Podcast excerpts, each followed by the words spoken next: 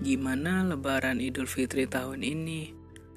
Udah ditanya apa aja sama keluarga besar? Calonnya mana? Kapan dikenalin? Sekarang udah kerja di mana? Terus umur segini kok belum selesai pendidikannya? Macem-macem lah. Momen silaturahmi yang seharusnya digunakan untuk bermaaf-maafan dan saling introspeksi diri malah menjadi ajang perbandingan terhadap sesuatu yang belum pernah kita dapatkan. Sekedar basa-basi karena lama tidak bertemu tidak masalah.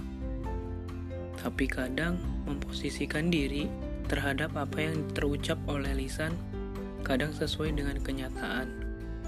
Itu sih rumit juga. Padahal hari lebaran itu situasi di mana kita semua bersuka cita merayakan kemenangan. Walaupun gak semua kemenangan harus dirayakan, sebagian besar sih perlu, sewajarnya. Belum lagi, tiba-tiba ada pesan masuk dari nomor yang gak dikenal.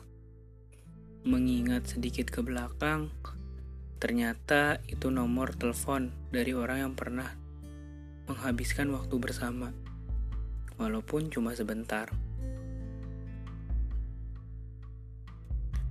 Sayangnya, nomor tersebut dihapus atau mungkin berganti dengan nomor yang baru. Tidak seperti kamu yang masih saja selalu aktif dengan nomor yang lama. Terlintas dalam pikiran kita dulu pernah saling, kenapa sekarang harus ada kata maaf? Mungkin segala sesuatu yang sudah selesai tidak perlu dimulai kembali. Kalaupun kamu memilih untuk memulai kembali, bisa jadi kamu hanya menekan tombol pause, sehingga alur pun belum berakhir.